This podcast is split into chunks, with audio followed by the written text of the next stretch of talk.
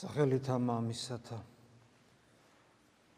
და ძისათა და სულისა წმიდისათა. ადამიანს ეს ცოდვით დაცამული ბუნებიდან გამომდინარე ძალიან უცნაური რამე ჭირს. წესით მას უნდა უხაროდეს ღმერთის არსებობა და თუ გაიგებდა რომ ღმერთი არის და ამას მრავალი მილიონობით ადამიანი ამბობს ადამიანს ბუნებრივი ბუნებრივად უნდა კონდეს ესეთი მდგომარეობა რომ მას მოუნდეს თვითონაც ირწმუნოს.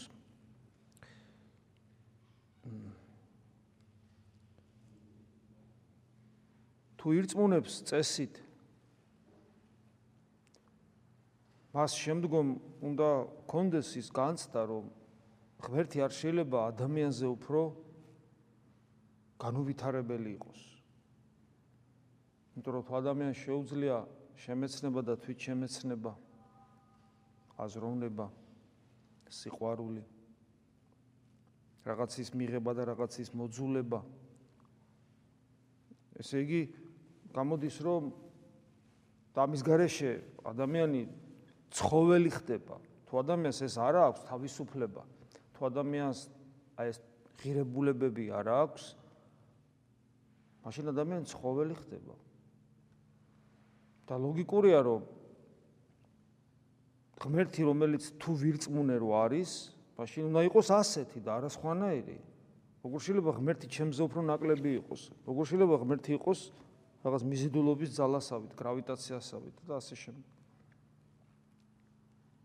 მაგრამ აი უცნაური ის არის რომ ეს ცოდვით დაცემული ბუნების ერთ-ერთი გამოვლინება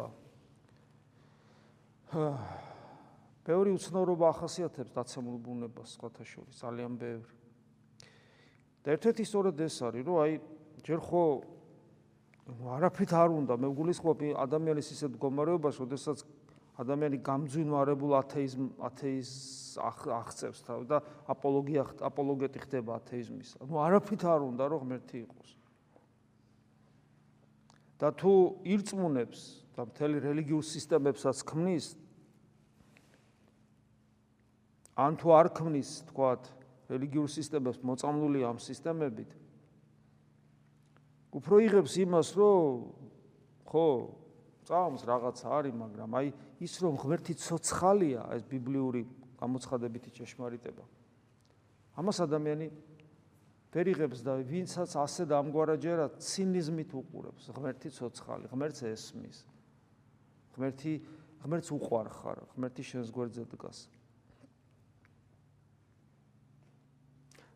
მაგრამ ეს ასე ხდება. ამიტომაც არის უცნაური, რომ აი ეს თუ სამყაროს კაცობრიობის რელიგიურ ისტორიას გადავხედავთ საოცარია რომ აი დიდი სოფლიო რელიგიები რაც არის აი რაც გავრცელებულია ძირითადად გამოცხადება გახდა საჭირო იმისათვის რომ ღმერთ ადამიანი მიმხვდარიყო რომ ღმერთი არის ცოცხალი რომ ის პიროვნებაა და რომ მასთან კომუნიკაცია ურთიერთობა შესაძლებელია და შენ უყვარ ხარ, ანუ შენ როგორც უნიკალურს პატივს გცემს და პატივს მოგაგებს. ამას გამოცხადება დაჭირდა ძველი აღთქმის.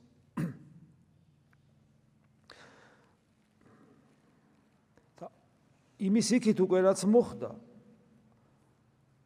რომ ღმერთი ცოცხალი ღმერთი პიროვნული ღმერთი ადამიანად მოვიდოდა, ну ეს საერთოდ თვით იმ გამოცხადებით რელიგიაში მყოფთა ყოფებსაც კი, იმ წიაღში ყოფებსაც კი წარმოუდგენლად მიაჩნდათ, მიაჩნიათ და ვერაფრით ვერ იღებენ.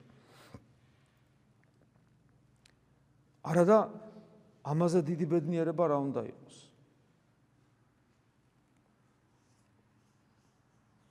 და ლოგიკურიც, იმიტომ რომ თუ ღმერთი მწამს, ის ხო ყველაფერში დიადია და მათ შორის სიყვარულში.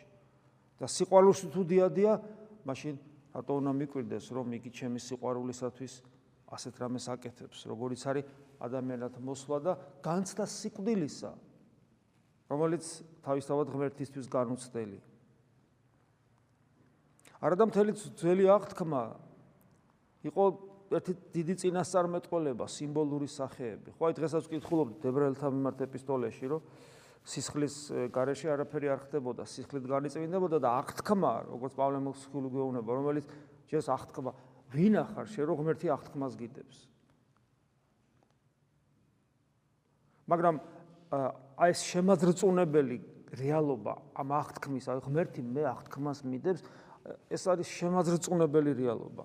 მაგრამ იცით რატომ არ რატომ არ ძრწუნდებით ჩვენ? იმიტომ რომ ჩვენ ჩვენი თავი რაღაცა გგონია. ჩვენ არა გვაქვს სიმდაბლე. ანუ ადეკვატური აღქმა საკუთარი თავისა.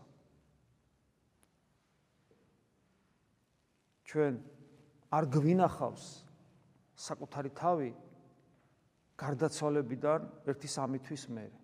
ჩვენი ხორცი სამი თვის მერე გარდაცვალებიდან. ჩვენ რას გვანახა, დამერწმუნოთ რომ ყველა თავდაბლები გავხდები. ადამიანს რაღაც უცნაური თავდაცვის მექანიზმი აქვს, რომ ეს ვერ წარმოიდგინოს და ვერ დაინახოს, თუნდაც იმის მიუხედავად იმისა, რომ ბევრი გარდაცვალებული შეიძლება უნახავს. თუმცა თითქმის არავის არ უნახავს სოციუმში აი ეს რაც მე ვთქვი, გარდაცვალებიდან ამდენიმე თვის მერე მყოფი ადამიანი როგორია.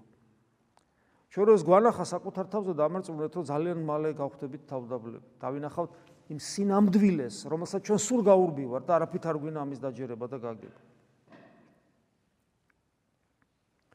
ხო და აი აი სიმდაბლის დეფიციტი ქმნის ამ პრობლემებს. ზუსტად. და ვერ ხვდებით ღმერთის სიდიადეს.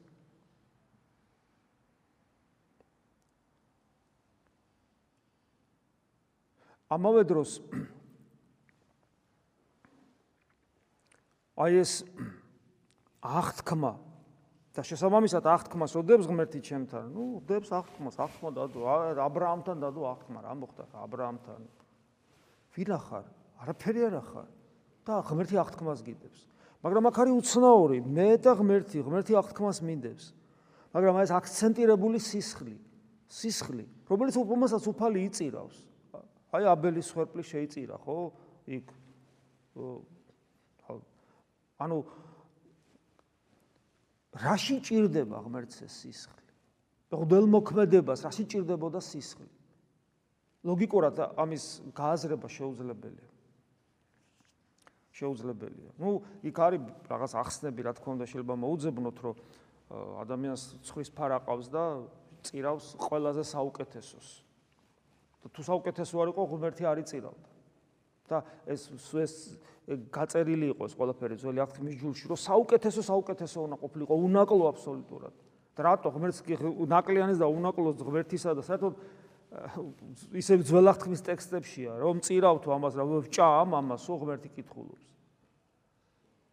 ანუ როცა ადამიანებს აღარ ესმოდათ ამ მსხვერპლის ნიშნულობა, მე ამ ნუ თუ ამას ვჭა ამ ღმერთი კითხულობს. წინასწარმეტყველის პირი. ლოგიკურად დიახაც ეს ბოლომდე მისახვედრი ვერ არის, რა საჭირო იყო ეს ყველაფერი. მაგრამ ახალი აღთქმის შუქზე, ახალი აღთქმის სინათლეზე გასაგები ხდება. რაღაცის წინასწარმეტყველური სახეა. სისხლი. სისხლი ძველი აღთქმისა დღეს პავლე მოციქული ხას უსვამს, რომ ჩემსა და ღმერთ შორის აღთქმა რო დაიდო, ამისათვის საჭირო იყო სისხლი, ცხოველის. ან ცხოველი რა შუაშია? ან ცხოველი რას მარგებს? მაგრამ სიმბოლოა და ამით განიწმინდებოდა ის ხატებანი, რომელიც ზეციური ხატებანი იყო. იმიტომ რომ ძველი აღთქმის ეკლესია, ძველი აღთქმის ტაძარი უпроსწორედ შეიქმნა იმ გამოცხადებით, რომელიც ღმერთმა მისცა მოსეს. ღმერთმა პირდაპირ უთხრა, აი ასეთი უნდა იყოს ტაძარი, ჯერ კარვის, მერე ქვის, მაგრამ აი ასეთი უნდა იყოს. ეს ყველაფერი სიმბოლური სახეებია, გამოცხადებით მოცემულია, მაგრამ ის იწმინდება სისხლით. ადამიანებს მიეტევება სისხლით. მაგრამ ეს მიტევებაც, ეს განწმენდათ, ეს რიტუალური მხარე ადამიანს არსობრივად კი არ წმენდდა. არამედ მის გარეგნულ მხარეს წმენდა, ხასუსავს პავლე მოციქული, ხორციელ მხარეს. ამაში რა თქმა უნდა, მარტო ხელების დაბანა არ შედის. ამაში შედის ადამიანი როგორც ზნეობრივი არსება, რომელიც სოციუმში არსებობს. ანუ ჩვენს ადამიანურ მხარეს, გარეგან მხარეს, ზნეობრივ მხარეს. რითაც ჩვენ ადამიანები ადამიანებს ვემსგავსებით და ნუ თლაც ცხოველები არ ხვდებით, აი ამას წმენდა, ამას აწესრიგებდა, სინანულისკენ მიბიძგებდა, მონანი ცოდების მონანიებისკენ მიბიძგებდა, საკუთარი თავის ადეკვატურ აღქმას მასწავლიდა. ანუ რასაც რელიგიურ ცხოვრება უნდა აკეთებდეს. ჩემს პირუტყობას და დემონურ მიდრეკილებებს ალაგმავდა სასჯელის შიშით და ასე შემდეგ სოციუმიდან განკვეთის შიშით და ასე შემდეგ. გარკვეული მადლი მოქმედებდა რა თქმა უნდა თავისთავად ცხადია. მაგრამ ადამიანის შინაგანი ცვლილება ამას არ შეეძლო. როგორ შეეძლო რა თქმა უნდა რა შეაშია ჩემ შინაგან არსობრივ ცვლილებასთან ცხოველის სისხლი. მაგრამ ეს ყველაფერი იყო წინასახი. ესე იგი პავლე მოციქული მეუბნება რომ ეს აღთქმისათვის ღმერთთან დადებული აღთქმისათვის საჭირო სისხლია, რომ აღთქმის სისხლია ეს, ოღონდ ცხოველის. რომელსაც ზეცასთან კავშირი არ აქვს. ამავე დროს. აი ეს კავშირითაც მე რომელიც მე ზეცაში დამაბრუნებს. და პავლე მოციქული მეუბნება რომ ამას შინაგანის განწმენდა არ შეელო სინდის ახსენებსი. ანუ შინაგანის სამყაროს განწმენდა არ შეელო, მაგრამ იმისათვის რომ შინაგანი განწმენდილიყო, საჭირო ყოფილ საჭირო იყო თავად ღმერთის მოსვლა და აი ამის აღქმა რომ ჯერო ღმერთი ხო არის და ცოცხალია და მე რო ის ადამიანად მოვიდა ერთის ხურივ ხო მე სიმდაბლე არ მაქვს რომ ღმერთის ჩემთან დადებული აღთქმით შევძრწუნდე ეს სიმდაბლე ხო არ მაქვს და მე უცნაური ისაა რომ ესე იგი იმის აღქმაც არ შემიძლია რომ ღმერთი შეიძლება ადამიანად მოსულიყო. ანუ სიმდაბლე როგორც ღვთაებრივი ღირებულება ამის აღქმის უნარიც არ ამაქვს. და ესე დასწინოდნენ ქრისტიანებს რომ ეგააკლია ახლა ღმერთს რომ ჭიაყელებთან მოვიდეს ვითარცა ჭიაყელა და ჭიაყელებს შორის იცხოვროს მან როგორც ჭიაყელამ და შემდეგ ის ჭიაყელა ზემოთ წავიდეს და ამ ჭიაყელებს ეგონოთ რომ აჰა ჩვენ ახლა ესე იგი ღმერთები გავხდებით იმიტომ რომ ღმერთი მოვიდა ჭიაყელად. ასე დასწინოდა მეორე საუკუნის ქრისტიანთა მტერი ცელსიუსი ქრისტიანებს. ესე იგი ერთის ხრივ სიმდაბლეს ვერ აღვიქვა და ვერ ვხედავ. მეორეს ხრივ ჩემი ვითომ ცრუ სიმდაბლე ესეთია რომ ახლა ერთი როგორ იკადრებს ახლა ჩემთან ჩამოვიდეს და ჩემნაირი გახდეს. ანუ ადამიანის დაცემული ბუნება არაადეკვატურად, ალოგიკურად მოქმედებს ძალიან ბევრი მიმართულებით, შეიძლება ეთქოს ყველანაირი მიმართულებით ყოფიერების. არადა სწავლება ჩვენი ასეთია, ჩვენ ეს გვწამს, რომ ღმერთი, რომელიც ცოცხალია, მაგრამ ტკივილ განუცდელი. სიკვდილ განუცდელი. დრო სიკვდილი და ტკივილი პრინციპში საშინელებაა. ღმერთი ადამიანად მოდის და ხდება ტკივილ გამცდელი და სიკვდილ გამცდელი. ტკივილ გამცდელი, სიკვდილ გამცდელი. იონე მოციქული ამბობს სახარებაში, რომ იონე მოციქულის დაწერილი სახარებაში იონე ნათლისმელი ამბობს. როცა იოან უფალს დაინახავს, აი ტარიგი ღვთისა, რომ მან იტვირთოს კაცობრიობის წოდები. ესე იგი ღმერთმა ადამიანური ბუნება მიიღო თავის ჰიპოსტაში, თავის პიროვნებაში. ეს ხო გესმით, აი როგორც შენი ხორცი და შენი პიროვნება განუყოფელია. შენი პიროვნება ფლობს შენ ხორცს. იტყვი ჩემი ხორცი, ჩემი სული, ჩემი გული, ჩემი ტვინი, ყველაფერი ჩემი, მაგრამ თითქოს შენ არ ახარ ხორცი, ცალკე და სარსული. ეს ყველაფერი შენ გეკუთვნის, მაგრამ მისგან განუყოფელი არასოდეს არ მოხდება ისე რომ შენი პიროვნება შენი ბუნებისგან განიყოს. ნუ სიკვდილი ჟამს ხორცი დროებით დარჩება, მაგრამ სულ სული მაინც ყოველთვის შენთან იქნება. ანუ პიროვნება ბუნების გარეშე არასოდეს არ იარსებებს და არც ბუნება პიროვნების გარეშე არ არსებობს. მაგრამ ეს ერთმანეთზე არ დაიყვანება. განუყოფელია ეს. აი როგორც კი ღმერთი ადამიანად მოვიდა მისთვის ღმერთისთვის ძე ღმერთი სამყარო შემოქმედი რომელმას თქვა და იქმნა ნათელი და თქვა ღმერთმან იქმნა ნათელი და იქმნა ნათელი. სამყარო შემოქმედი ადამიანურ ბუნებას რო იღებს, მას შემდეგ ადამიანი და ღმერთი არის განუყოფელი. ანუ ღმერთი მას შემდეგ თავის თავის რეალიზებას ახდენს როგორც ადამიანიც ადამიანიც მე მაგალითად სულ მინდა ხოლმე რომ წარმოვიდგინო ეს რა არის და აი აი როგორც ახალგაზრდობაში ალბათ ყოველას ქონიათ თუმცა ვისაც არ ქონიათ ახლა შეგიძლიათ ავარჯიშოთ ტვინი ძალიან საინტერესოა როცა ფიქრობ რომ აი როგორია სამყარო ну მეცნიერები ამბობენ რომ ეს სამყარო ძალიან დიდია და ну ისეთი დიდია რომ წარმოიდგინეთ ესე იგი ჩვენ რასაც ვხედავთ სამყაროში ეს არის აი წარმოვიდგინე ამ ხელას სფერო რო იყოს, ამ ხელა რაღაც ელიფსი ესეთი რო იყოს და ჩვენი თვალით ხედავთ მხოლოდ რაღაც აი პატარა პატარა წერტილს, მასაც ვარსკვლავებს უწოდებთ. დანარჩენს ჩვენ ვერ ხედავთ, თორე ძალიან შორს არის. ძალიან შორს არის და 100 თუ 150 მილიარდი ვარსკვლავია ჩვენ galaktikაში. ასეთი galaktikები კიდე ასეული მილიარდობით galaktikებია კიდეც ალკე და ეს უბრალოდ გამაოგნებელი არანაირი მასში არ ეტევა ლოგიკაში და ადამიანის ტვინს უჭირს ამის აღქმა. მაგრამ საკმარისია იფიქრო რომ კაი ხო გასაგებია მაგრამ ეს ყველაფერი დაასრულდა და მე და მეც რო და მე მე უკვე ადამიანის გონება ახაც იჭედება იმიტომ რომ როგორც კი თავშად ბოლო galaktikaა, ხო იმის იქეთ, იმის იქით. სივრცე არ არის და რას ნიშნავს სივრცე? აბა რა არის? და ადამიანის გონებას მატერიალურ მეგა სამყაროზე ფიქრი, ადამიანს მიკრო სამყაროზე ფიქრი ძალიან უჭირს. ტვინი ჩვენ ტვინი არ არის თითქოს აი რაღაცა დიაპაზონში მუშაობს და იმის იმის იქით ძალიან უჭირს ამ ყოლაფრის აღქმა, განცდა, გაგება. ხოლო აი ღმერთთან დაკავშირებით ხო უჭირს და უჭირს. ძალიან უჭირს ღმერთთან დაკავშირებით. ღმერთი რომელიც ყველაფერ ამის მიღმა, დროისა და სივრცის მიღმა, დრო და სივრცე მისი შექმნილია. ძალიან უჭირს.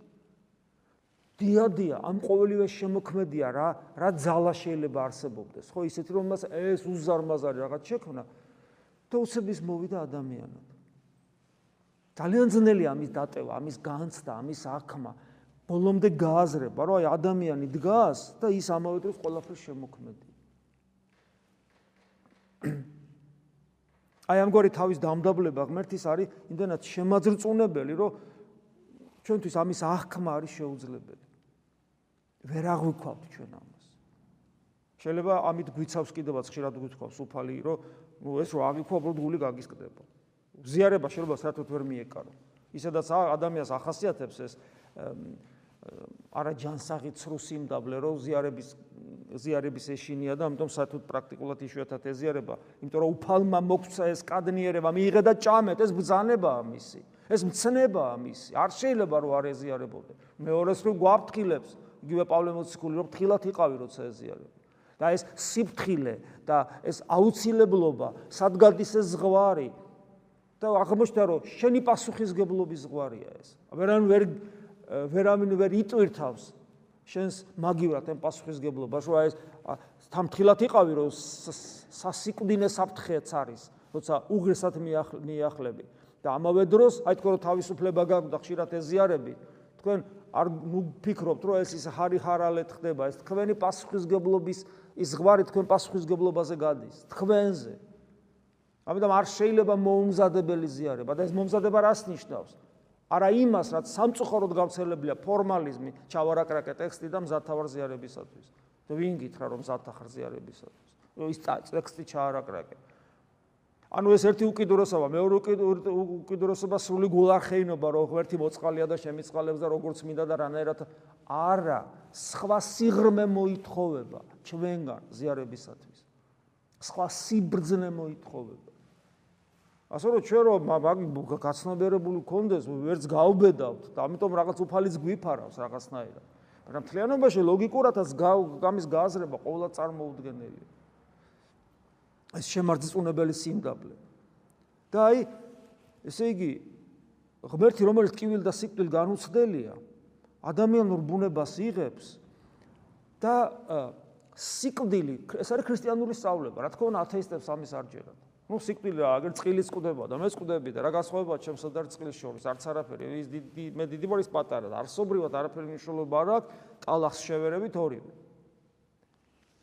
მაგრამ ქრისტიანული თვალსაზრისით ასე არ არის ქრისტიანული თვალსაზრისით ადამიანი ღვთის ხატი და მსგავსია მე რა რო ბიოლოგიურად ცხოველს გავართ კაცმა არ იცის ცოდვით დაცემამდე როგორები ვიყავით არ ვიცი ჩვენ ეს. მაგრამ ახლა ასეთი ვარ, ჩვენ ტყავის სამოსელი მოგვეცა, მაგრამ არსობრივად ჩვენ ღვთის ხატადამს გავსად დავრჩით. შესაბამისად მე არ შეიძლება გავაიგივო ჩემი თავი ცხოველთან. და შესაბამისად ჩემთვის სიკვდილი სიკვდილი და ჩემ გამო მე სამყაროშის უბედურება თუნდაც სიკვდილის არსებობა, ხრწნის არსებობა რომ არის, ესეც ქრისტიანული სწავლება ასეთია, თუ ეს არ გვინდა წავიდეთ აქედან. და თუ ქრისტიანები ვართ, ეს უნდა გჯეროდეს, რომ სამყარო დაზიანდა ჩემი ცოდვით დაცემის მე. და სიკვდილი ადამიანისთვის არაბუნებრივი მდგომარეობა. ალბათ ამიტომაც არის, რომ ადამიანი აი ვერ აღიქვავს ამას. გაურბის, გაურბის. არ აშეულია ამის აღქმა. და საშინელებად ხედავს და ესეც არის. არ უნდა, არ ფიქრობს. საკუთარი თავი 90 წლის არის მოხუცი ადამიანი და საკუთარი თავი მაინც ესეთი გონია რა мама კი კიდე რაღაც ამ ქვეყნიურ ინტერესებს ეპოტინება იმიტომ რომ ისთვის წარმოუდგენელია რა თქმა უნდა სულიერი ცხოვრების დეფიციტიც არის სიკვდილი არაბუნებრივი ადამიანისათვის მაგრამ ბუნებრივი გახდა მას შემდეგ რან რაც მან გული გაუღო ცოდვას ცოდვას ანუ ღმერთს აცდა. როგორც კი ღმერთს აცდა მასში იმიტომ რომ ღმერთია სიცოცხლის წყარო ხო ნატურას არავის არ უკურს ნატურას რომ მოხსნი ჩაქრება არავის არ უკურს მაგრამ ადამიანი რატო უნდა გიკვირდეს რომ კვდება რადგან ღმერთს დაცილებულია? რატო უნდა გიკვირდეს ტოტი ხმება რომელსაც მოაჭრი ფესვებს? ადამიანისათვის სიკვდილი გახდა ნორმა იმიტომ რომ ღმერთს დაცილდა.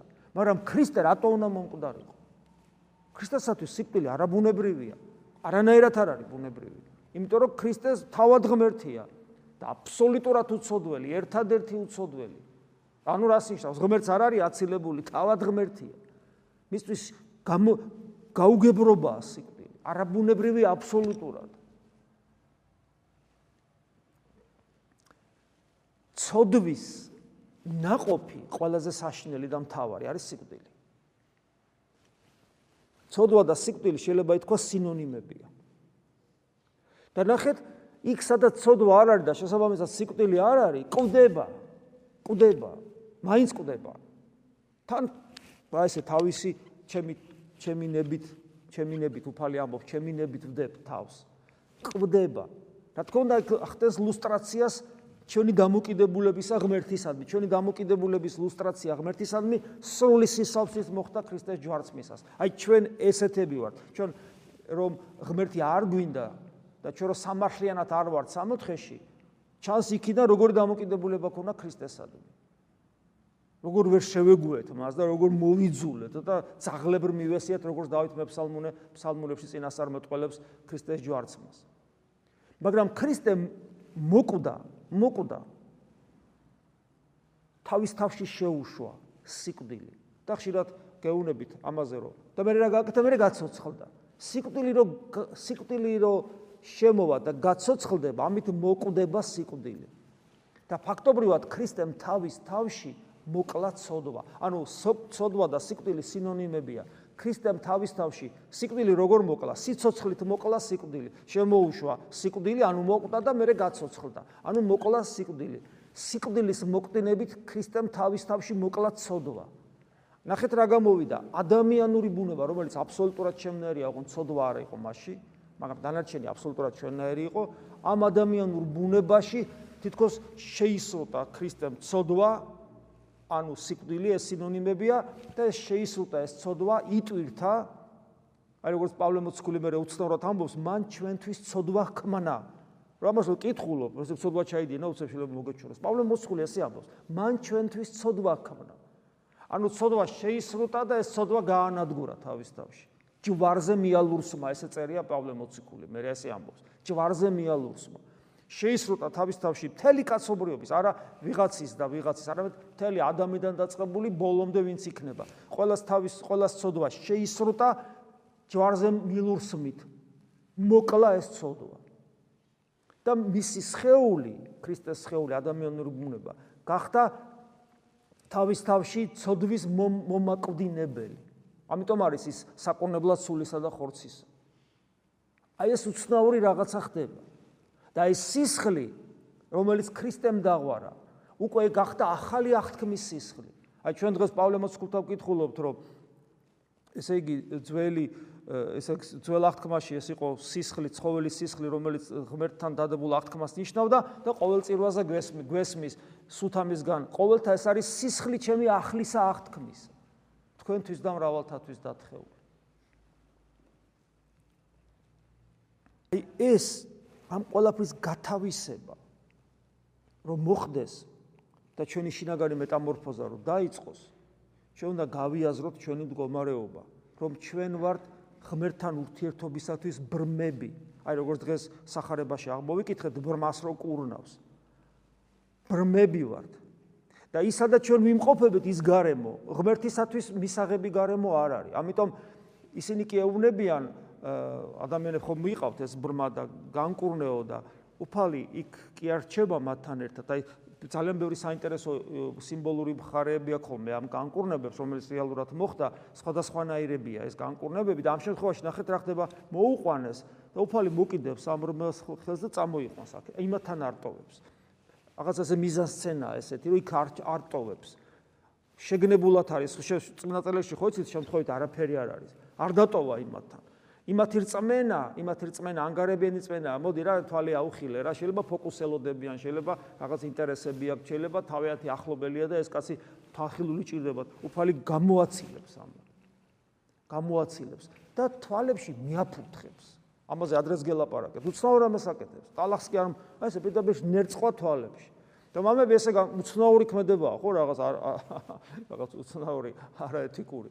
მამები ამბობენ რომ ამით ეს იყო სიმბოლური მეტყოლება ყოველას გასაგონად და ყოველას დასანახავად და მათ შორის ჩვენთვის რომ ქრისტეს ზულს ჩემში წოდვა და ეს წოდვიანი გარემო რომელშიც ის იმყოფება და ჯერ გამოიყვანა აქედან მე ნერწყო ანუ ამით მიანიშნა თავის სიძულვილი სიძულვილი წოდვისადმი ანუ უღმერთობისადმი და მე ცოტათი ცოტათი თვალი აეხილება ცოტათი. ანუ უცებ კი არ აეხილება ცოტათი. და მე რა მე ქრისტესთან დიალოგია რო ისე ხედავს უდო და მე მე კლავ და ანუ პროცესი ანუ უცებ არ განიკონა აქ ჩანს ადამიანის ესე იგი ჯერ გამოშორება ცოდვიანი სამყაროსგან. აბა სოფლის სულისგან რომელსაც ქრისტეს ზულს მე ქრისტეს სიძულვილი ანი დამოკიდებულება აი როცა როცა მაცხოვარი ხანდახან განსაცდელი თერება ჩვენ ცხოვრებაში. ეს მისი სიყვარულია ჩვენდამი მაგრამ სხვა გზას რო არ უტოვებ და განსაცდელის გარეშე რო ადამიანი სკანკურნება არ ხდება. და მე არასრული განკურნება ანუ დავინახე უცებთლიანად ღმერთი. არამედ რაღაცა ჩემი რწმენა კი მომეცა მაგრამ რაღაც ისეთი იმიტომ რომ თანამშრომლობა მინდა ღმერთთან. აი ადამიანი ადამიანი ეზიარება ესე იგი ზიარება საკონებლად სულისა და ხორცისა. აი თქვათ მე რაღაცა ვნება მაწუხებს. მრისხანების ვნება მაწუხებს მაგალითად და აი ნუ მოკლედ ან უსიყვარულობის და რა ვიცი 1000 ან ურჩია ან ურჩივარ ან და უამრავი ამას არა აქვს პრინციპული მნიშვნელობა. თქვათ მრისხანების ვნება. მე თვითონ მგონია რომ ვეზიარები თუ არა ეს მრისხანების ნება გაქრება და ეხა სახში აღარაფის აღარ დავწოფავ ძალიან წარეთ ვწდები მე მაშინ მგონია რომ ზიარება მაგიური რიტუალია. რაღაც ეს გადავყლაპი აბი და მორჩა ყველაფერი დამთავრდა. არა. ღმერთი ესე არ შვება. და ამიტომ არის რომ ადამიანთა ძალიან დიდი უმრავლესობა ეკლესიაში ძმებოდადებო ცხოვრობს ქრისტიანულად.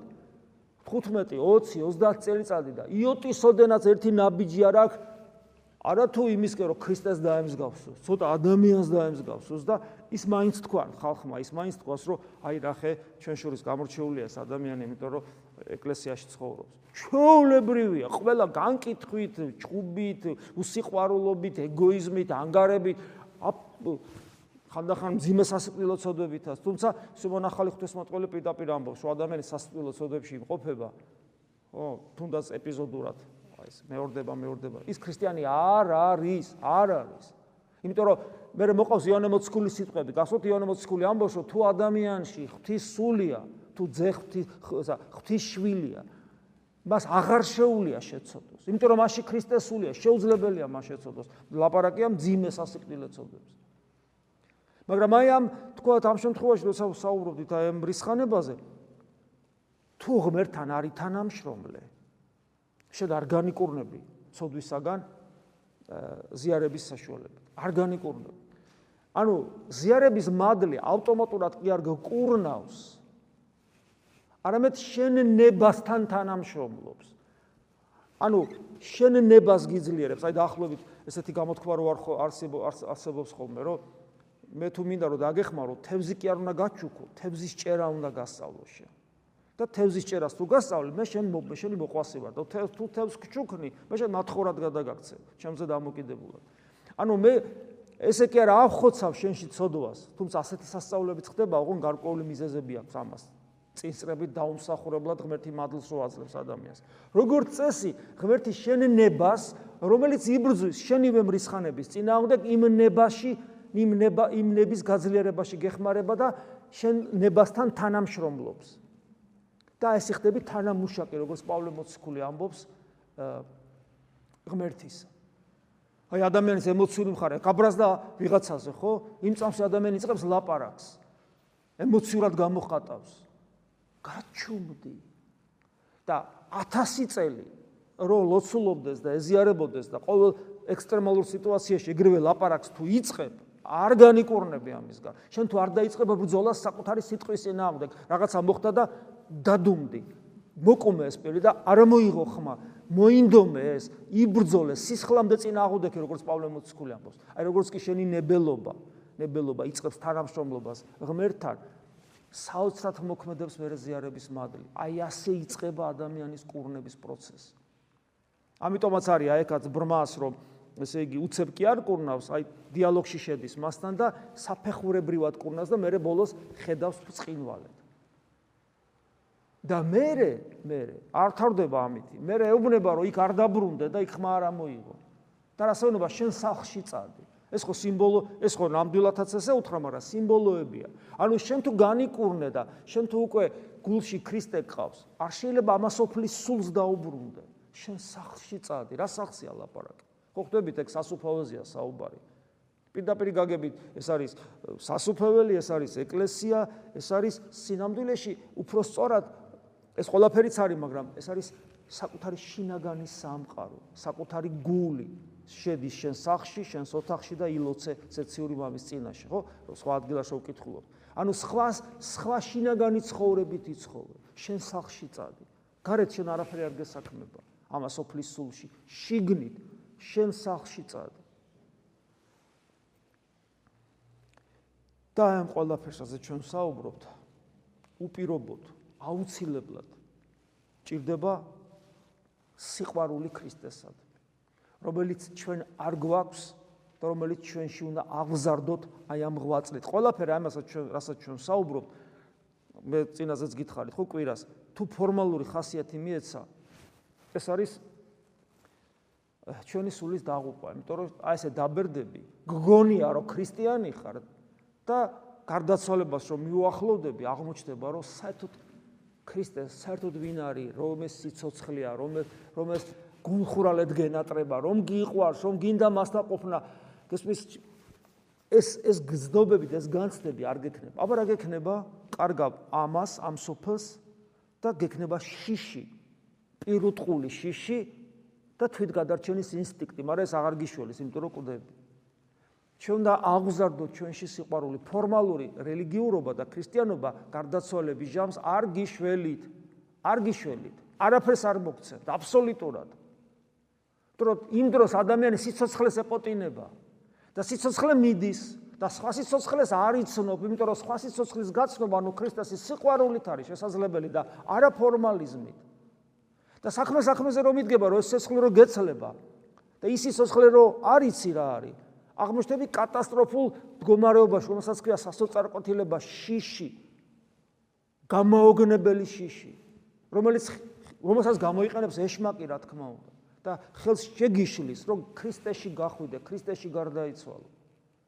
ამიტომ ჩვენ სანამ ცოცხლები ვართ, ჩვენ ეს ყველაფერი რასაც გვესმის, რასაც აქ ვაკეთებთ, უნდა იყოს მხოლოდ იმისათვის სტიმული, რომ ჩვენ ქრისტე გვიყვარდეს და თუ ჩვენ შევიყვარებთ ქრისტეს, არანერი მცნება აღარ არის საჭირო ჩვენთვის. ჩვენ ბუნებრივად აი ვიქნებით აღმასრულებელი ყველა იმ ახალი აღთქმის ცნებისა, რომელიც ახალი აღთქმის ეკლესიაში. იმიტომ რომ ჩვენ არ შეგვეძლება სხვანაირად ცხოვრება თუ არა ქრისტეს ერთგულებით, თავგანწირული ერთგულებით, გულმხურვალ ერთგულებით. ჩვენი გული იქნება მუდამ იმუშავებს ქრისტეს სახელთან ერთად, ჩვენ ვის უნთქებთ ქრისტეს სახელთან ერთად? და იმიტომაც არის რომ ჩვენ გონიერი ლოცვას რო ვსწავლობთ როგორ ატო გვიჭირს? იმიტომ რომ ჩვენ ქრისტე არ გვიყვარს. მაგრამ ჩვენ თავს არ უნდა მივცეთ უფლება რომ მას ქრისტე არ უყვარდეს. და ამიტომ გონიერი ლოცვის აუცილებელი აუცილებლობა ამაში მდგომარეობს. ლუსტრაცია ჩვენი ბუნებისა რომ დაждდების რამდენიმე საათი სიბნელეში და რომ კატასტროფა გეწყება, რომ არ გინდა, რომ რომ ეს ბძოლა, სულ ბძოლა რა და საბძოლელი რა არის, სიცოცხლეში შედიხარ, მაგრამ იმიტომ რომ აქ ჩანს ჩვენი ბუნების დაცემული ბუნების ნამდვილი სახე, მაგრამ ჩვენ არ უნდა მივცეთ ჩვენ დაცემულ ბუნებას, იმის უფლება რომ მას ქრისტე არ უყვარდეს. ქრისტესადმი სიყვარული ჩვენი ვალდებულებაა. რომელიც ჯერ გზნობაში არ გადაღურილა, იმიტომ რომ არ არ გვიყვარს სინამდვილე. შეგვეციო სუფალი და აი რა დონეზეს თვალი აგვიხილა უკვე უფალმა ჩვენ გაუფრთხილდეთ ამ თვალხილულობას ვითანამშრომლოთ ქრისტესთან და ვისწავლოთ საკუთარ სახლში ანუ გულში მყოფობა რომ არ დავკარგოთ ის მადლი რომელიც ამ ეტაპზე უფლის წყალობით უფლის ჩვენ და მის სიყვარულის გამო გაგვაჩნია. ამინ. მადლი უფლისა ჩვენისა იესო ქრისტეს და სიყვარული ღვთისა და მამის და ზიარება სული საწმინდის იყოს თქვენ ყოველთა თანა. ამინ